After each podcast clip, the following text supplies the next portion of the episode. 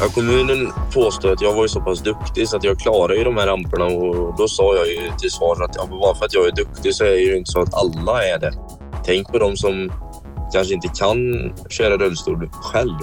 Där blev det ju lite sport över det hela därför att eh, mina klasskompisar så tyckte det var lite kul, kul att, att se till att jag kom upp på de övre våningarna. Så det, så det blev ju en liten tävling där, vem som fick mig fortast upp för trapporna. Nu när jag tänker på det efteråt så skulle jag ju aldrig gå med på det. Hallå hej, välkomna till podden Hur tänkte ni nu? Det här är Janna. Hej, det är Karo här också. Och nu sitter vi för första gången på två år live framför varandra, mitt emot varandra. Och, eh, det är jättespännande. Det är ju faktiskt hur kul som helst Ja. att faktiskt få göra det på riktigt igen. Eller vad man ska säga. Det är ju på riktigt alltid, men det känns jättekul. Ja. Hur är läget med dig? Jo, men det är helt okej. Vi pratade ju lite om, som vi alltid gör, vad vi ska ha för lite olika avsnitt i, i den här podden. Och så tänkte vi väl att eftersom vi fyller 100 år så kanske prata lite om hur det var då och hur det är nu och kanske inte 100 år tillbaka, men en bit tillbaka. Mm. Hur, vad tänker du om det? Ja, men det har ju hänt en hel del. Men att också att många säger att det går bakåt igen. Alltså för min del, i, i, när jag tänker tillbaka på min skoltid till exempel, så finns det absolut noll minnen av att någon använde rullstol eller att det var liksom på något sätt anpassat. Eller så, jag har inga minnen av det. Det kan också vara för att jag inte såg. Och jag är ju betydligt äldre än dig och du har ju en helt annan erfarenhet. Hur var det för dig att gå i skolan? Ehm, jag var ju typ första eleven som de hade med nedsatt rörelseförmåga som använde rullstol eh, i min skola. Så att det blev ju ett ganska stort halabaloo över att så här, bara för dem att behöva tänka logistik och sådana saker. Det var ganska nytt för många i min klass också. Och jag var ju ensam. Jag var ensam på hela skolan med att ha en rörelsenedsättning. Jag tror inte att det började någon annan förrän jag faktiskt hade gått ut. Jag gick i en sån här puttinuttskola som var etta till sexa. Vi var, på min tid var man 15 personer i en klass. Mm. Drömmigt. Det var tider det. Ja.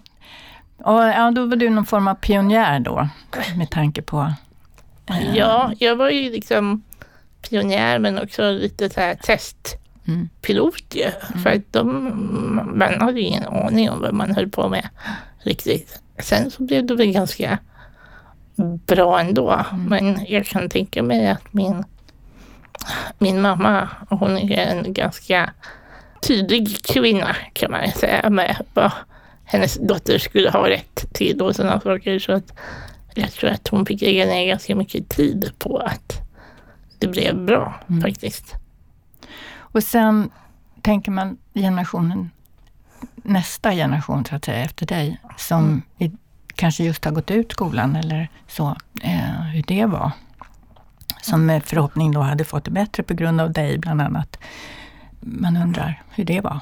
Ja, precis. Och jag tror att eh, jag gick ju på tiden i skolan innan det egentligen fanns några tillgänglighetskrav. Det fanns väl vissa krav, men kanske inte ändå så uttalat som det gör idag. Att både själva utbildningslokalerna faktiskt ska vara tillgängliga, men också att utbildningen som sådan med lektioner och innehåll ska vara tillgängligt också. Att det är liksom både verksamhet och byggnad parallellt. Det finns ju en ung man som bor i Vara, som heter Sebastian Höregård, som eh, gjorde en diskrimineringsanmälan av sin skola. Vi kan ju höra med honom hur det var. Mhm. Hej Sebastian! Välkommen till podden Hur tänkte ni nu? Eh, Kan inte du berätta för oss varför du anmälde din skola för diskriminering? jo, det kan jag absolut göra. Det började med att ehm, i början så... Jag började ju där i, i fjärde klass. Det var ju sån här... Hela grundskolan hade de ju från dagis till... Eller ja, upp till nian då. Men jag började ju där i fjärde klass. Eh, för jag gick i en annan skola som när jag bodde i Ljung heter ett ställe utanför där jag bor då.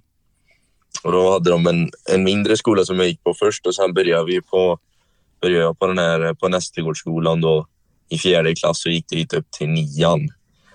Och i början, de första tre åren var det ju inte så... Eh, då var det ju ramper där och sådär. Men de var inte... Ja, jag tyckte väl att de var dåliga, men tänkte att det kanske ändrar sig. Jag menar, jag har bara börjat nu så det kanske kommer snart. Men då gick ju hela mellanstadiet och, och då... Min pappa gick ju på den skolan för många, många år sedan. På, på 80-talet. Och då eh, sa han det att det är ju samma ramper han hade när han gick där. Mm. Så det var väl egentligen så det började. Och då började min pappa att prata med skolan om, om att, de måste, att de måste ändra det nu då. För det är ju inte... Det är farliga ramper det där. Mm. Och då så sa de det, ja det ska vi göra och det hände ingenting och jag gick ju de tre första åren. Det var fortfarande samma ramper. Eh, och sen började jag i högstadiet. Och då var det ju samma, det var ju likadana ramper som på mellanstadiedelen då. Och det var ju bara att då tillkom ju en, en, ett nytt ämne, hemkunskapen. Och den eh, var ju absolut värst för då var det tre stycken, det var ju sånt här utetak på utsidan av innan man kommer in då i entrédörren. Och så var det en ramp och en trappa upp och lite sådär. Och så en platta som man kunde stå på för att få upp dörren. Men han var ju inte, hade ju ingen dörröppnare så dörren var ju tung. Och så gick den utåt. Och så fick man ju balansera på med det ena eh, hjulet i luften då för att ta sig in. Då. Oh, men Gud. Så det var ju väldigt eh, jobbigt att då även ha med sig skolmaterial. Och det gick ju ja, det gick ju bra. Jag fick ju bara lära mig den dörren var, men sen hände det ju det att jag var ouppmärksam och så ramlade jag baklänges och slog i ryggen i en av de här träpålarna bakom. Då. Mm. Och så, så, ja, jag fick ju såklart väldigt ont, men jag tänkte inte så mycket på det.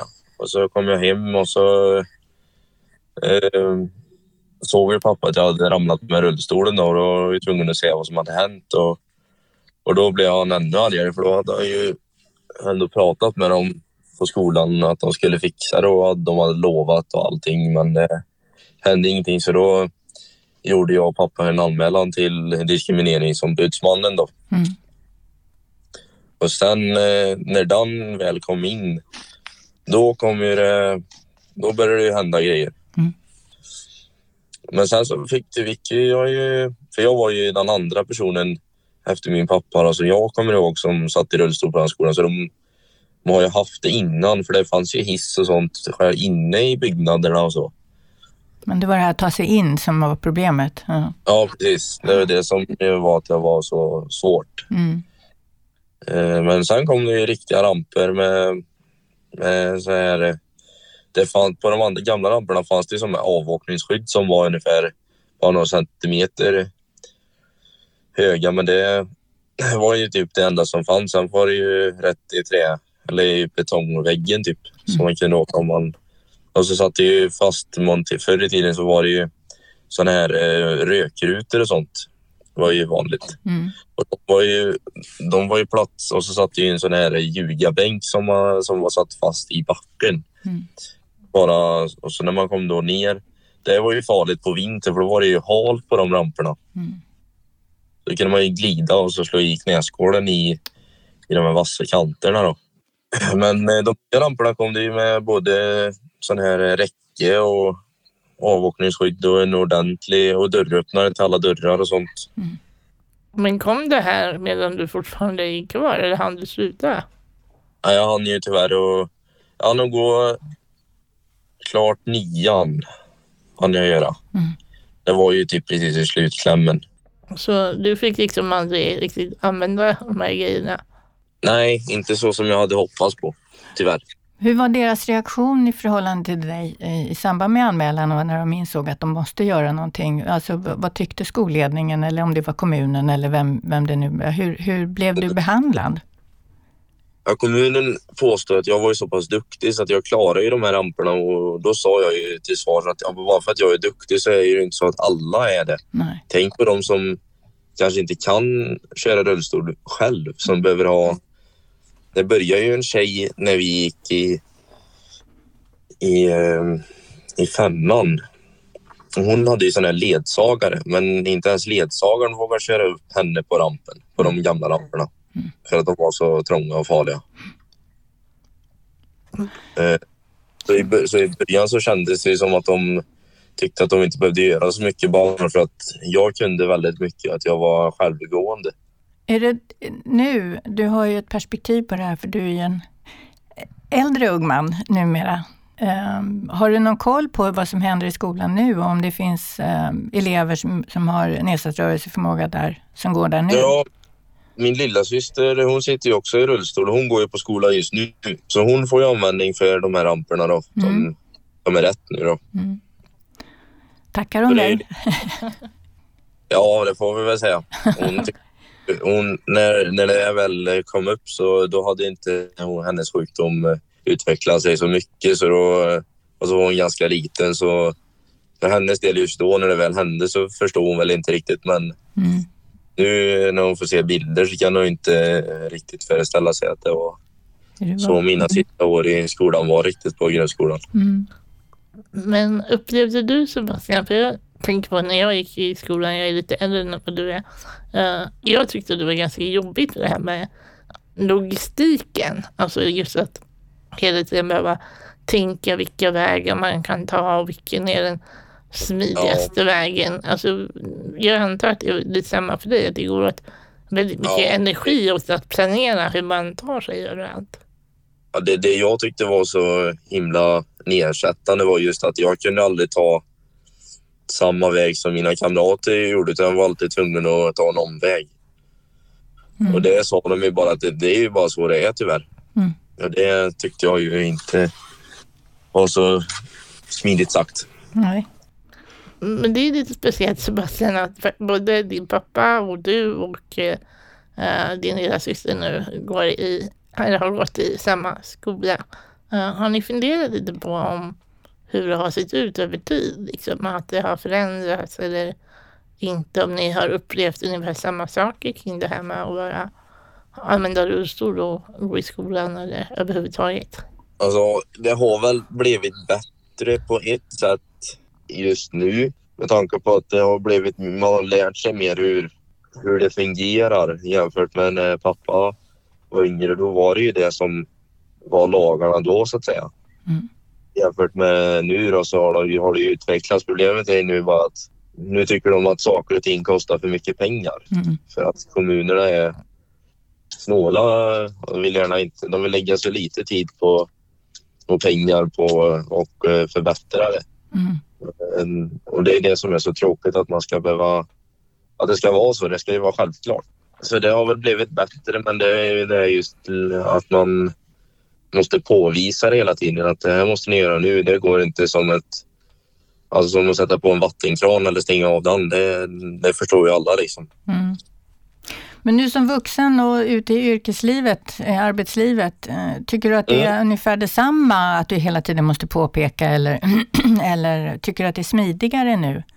Jag tycker det är mycket smidigare. Jag jobbar ju på Vedums kök då, i Vedum. Mm. Och vi tillverkar ju kök och det är fördelen att där jag är, ju- det är, väl, det är en stor fabrik och det är på bottenvåning. Det är ju olika våningar men jag jobbar inom produktionen så det är ju på golvet. Så det är ju lätt och stort och det är inte så... Visst, det är klart det finns ju alltid nackdelar med det med att, eh, att man är lite, att man inte är lika lång som man är vanligtvis då, men det, är- det är lättare att få hjälpmedel eller så att det blir bättre på en kortare tid i, arbets, i arbetslivet tycker jag. Mm. I alla fall är jag är- i det företaget jag är. Mm. Jag vet ju att en del tycker ju att just det företaget de är ju helt åt helvete. Men eh, jag tycker i alla fall att det, för min del har det blivit enklare att faktiskt komma ut i arbetslivet och, och, och är det någonting som jag behöver ha hjälp med på mitt arbete så räcker det att jag säger till min chef och så tar de tag i det direkt då. Mm. Schysst. Ja, men eh, det här är ju jättespännande att, att höra och jag tror att det är jätteviktigt för eh, våra lyssnare också för att höra och speciellt att det här med att det inte kan ha skett så mycket att det över tid, att det tar ganska lång tid att få till en förändring på Ja. i alla fall tillgänglighetsbiten. Det tror jag är jätteintressant för folk att höra. Ja, det är ju det. Det är ju det som...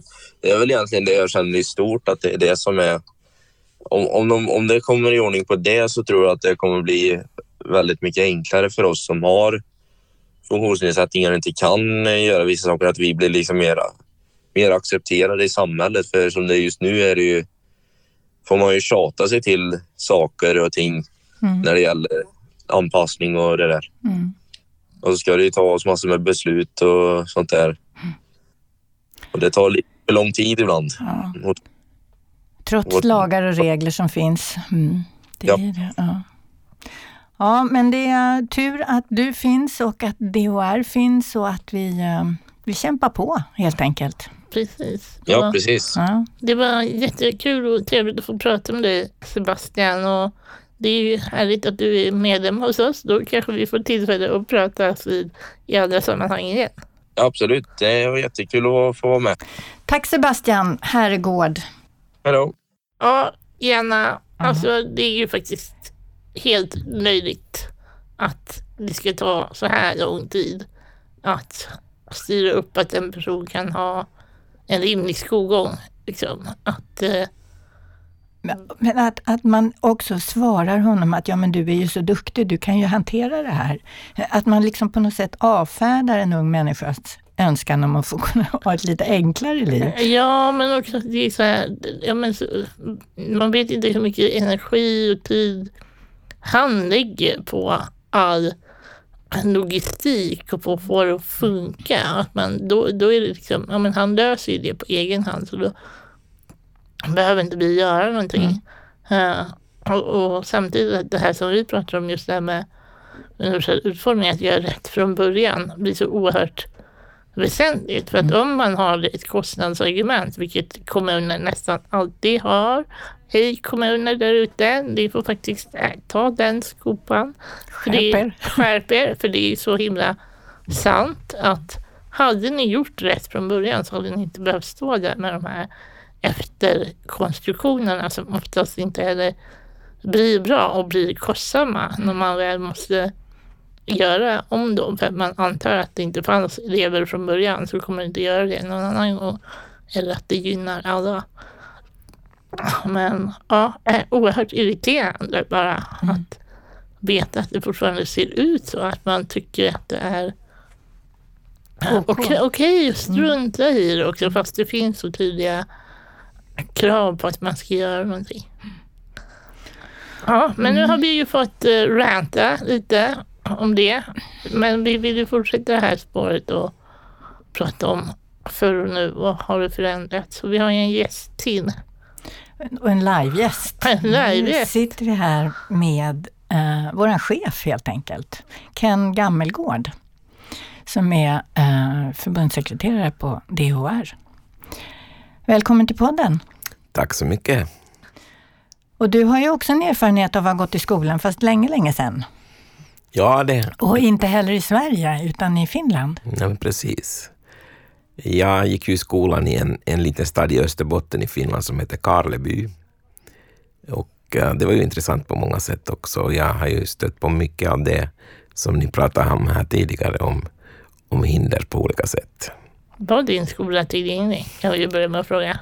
Nej, det var den inte. Det var den inte. Lågstadiet var absolut inte tillgängligt och, och där var det ju väldigt mycket så att det var mina föräldrar som, som, som bar upp mig för trappor och, och så vidare.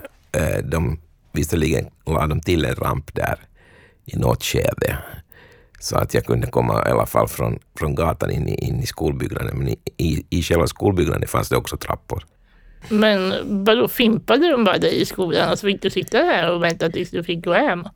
Ungefär, ungefär så. Eh, Det var, det var ju lite... Det var en person som man då hade utsett som, som jobbade som, jag tror hon jobbade som vaktmästare på skolan, som då skulle vara på något sätt eh, hjälpa mig ut på raster och så vidare där under skoldagen. Och så var det på lågstadiet. Men sen blev det ju det intressanta sen när vi kom till högstadiet och gymnasiet. Där det var ju en, en helt annan skolmiljö, alltså mycket större. Också en, en byggnad i tre våningar utan hiss. Men vänta, nu måste vi faktiskt ändå backa tillbaka bandet. Du hade liksom som en personlig bärare på lågstadiet. I form av vaktmästare? Ja, alltså man kan väl kalla det en personlig bärare. Eh, man kan väl också kalla det en personlig eh, toalettassistent, eh, en, en Hon var alltid allo liksom. personlig eh, matbärare eh, och allt möjligt annat. Ja. Hon fick göra lite allt möjligt. Påklädare. Ja, jag förstår. Alltså det här var ju före det fanns någonting sånt som assistans. Ja. Men sen hamnade du på gymnasiet oavsett. hamna där, jo precis. precis. Jo, nej, men eh, alltså det, det var ju då en, en, en byggnad där både högstadiet och gymnasiet var så där. Och som sagt, den var tre våningar utan, utan hiss. Där blev det ju lite sport över det hela därför att eh, mina klasskompisar så tyckte det var lite kul, kul att, att se till att jag kom upp på de övre våningarna. Så det, så det blev ju en liten tävling där, vem som fick mig fortast upp för trapporna. Ja, men gud vilken rysare. Tänk om de hade tappat dig då? Ja, I sin, alltså då, sin tävlingsiver. då tänkte man ju inte på sånt, för då var det bara kul liksom att, att liksom, de här tog tag och drog upp mig för trapporna. Nu när jag tänker på det efteråt så skulle jag ju aldrig gå med på det. Alltså det, det, det var ju ganska hårresande och det skulle, kunde ha hänt vad som helst egentligen. Eh, nu ska man ju bara säga att jag, jag använde ju då en manuell rullstol, så det var inte en hel rullstol man drog upp för trapporna, men, men ändå. Alltså det, det var ju det var ganska hårresande. Jag träffade en, en gammal klasskompis här i, i somras och vi, han, han kom ihåg det här igen. Det, han såg mig så det första han kom ihåg var just det här. Hur de höll på att dra upp mig för de här trapporna. Och det här, Men var det här din idé? Var det du som kom på den här tävlingsaspekten? Eller var det de själva som bara...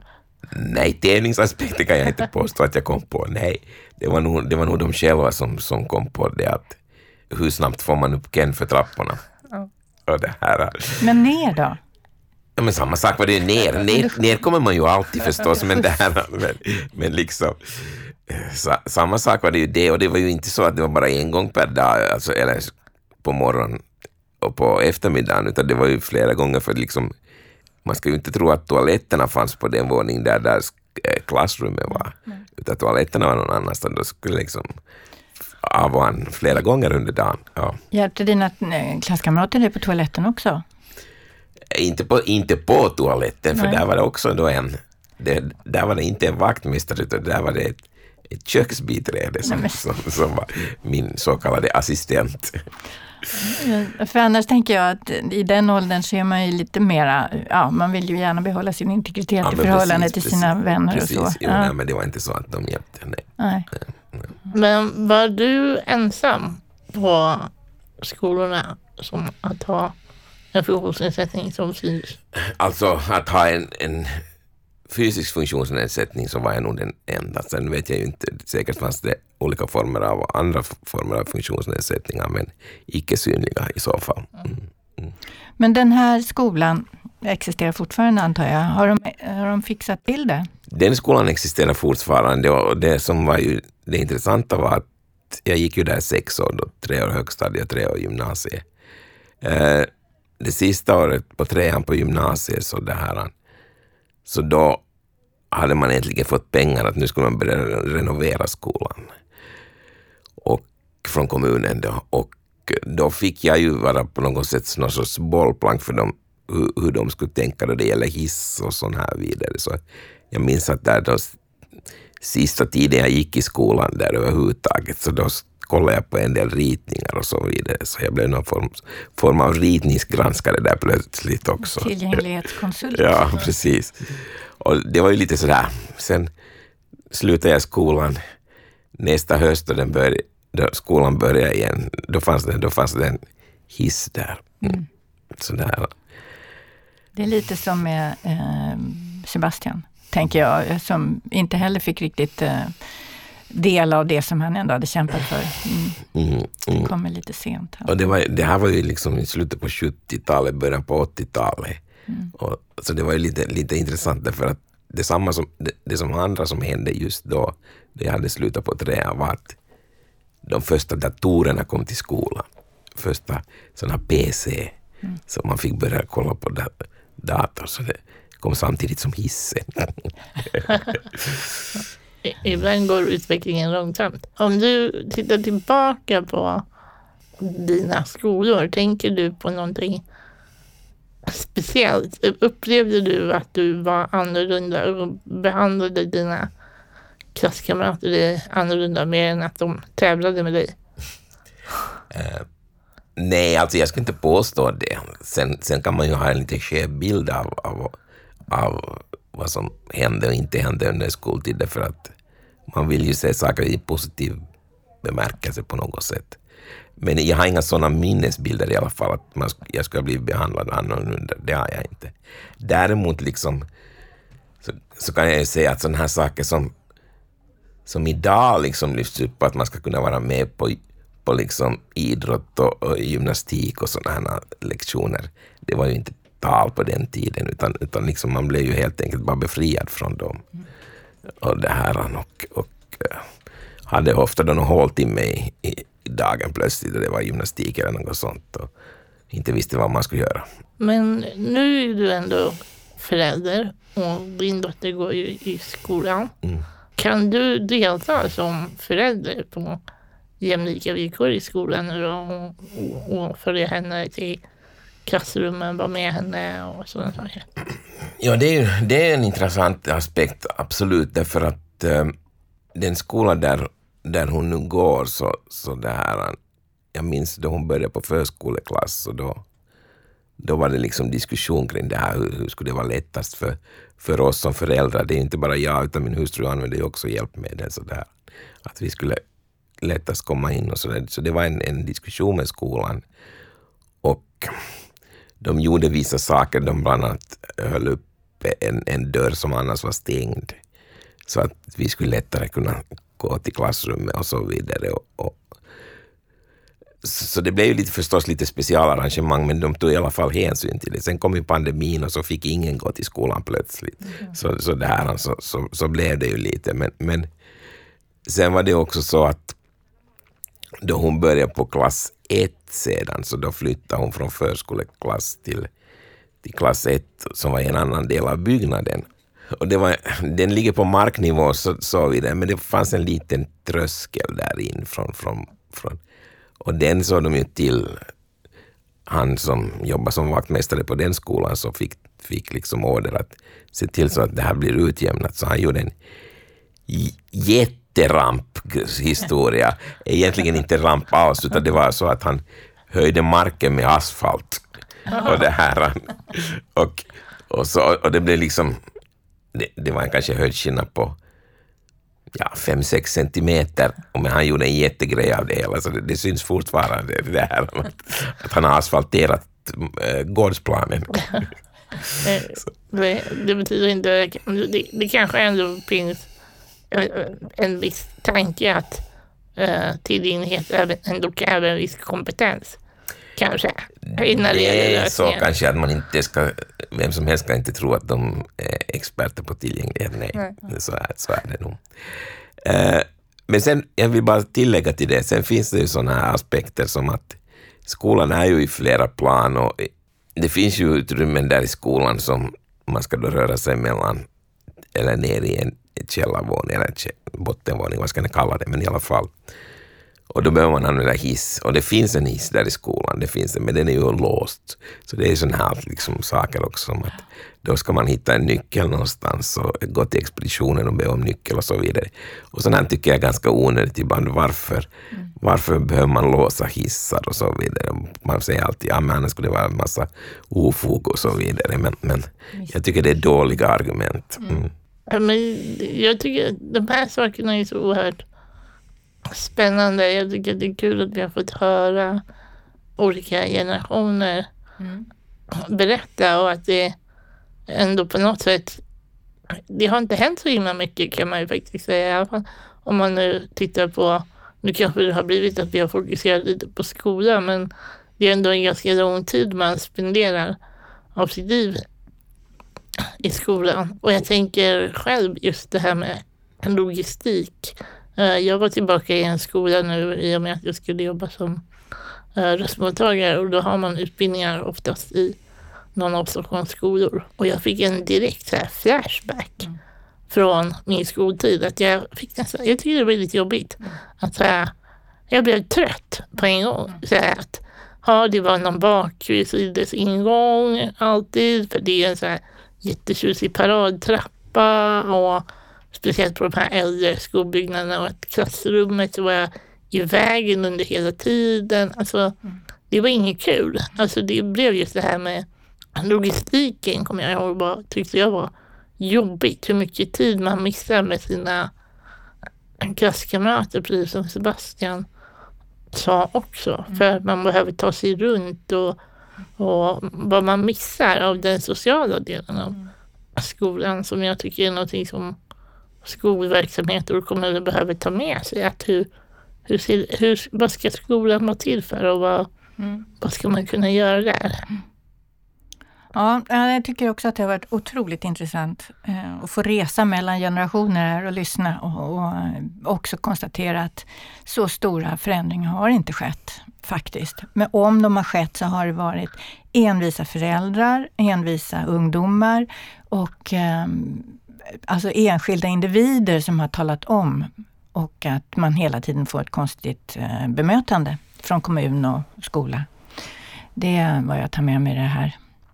Och jag antar att det är så det är fortfarande, tyvärr. Men vi kämpar på. Vi ja. får... Um... Det är därför vi har organisationer som det här. Ja, att det är därför det är så viktigt att mm. vi organiserar oss, att vi lyfter de här frågorna. För mm. och även om vi har funnits hundra år så behöver det göras mer ja. i kommande hundra år. Men hoppas att det inte tar hundra år. Ja. Precis. Tack Ken Gammelgård för att du vill vara med oss i podden. Tack själva, det var kul att vara med. Ja. Och eh, vi ses snart igen, eller hörs snart igen. Det gör vi. Ha det så bra så länge. Hej då. Hej då.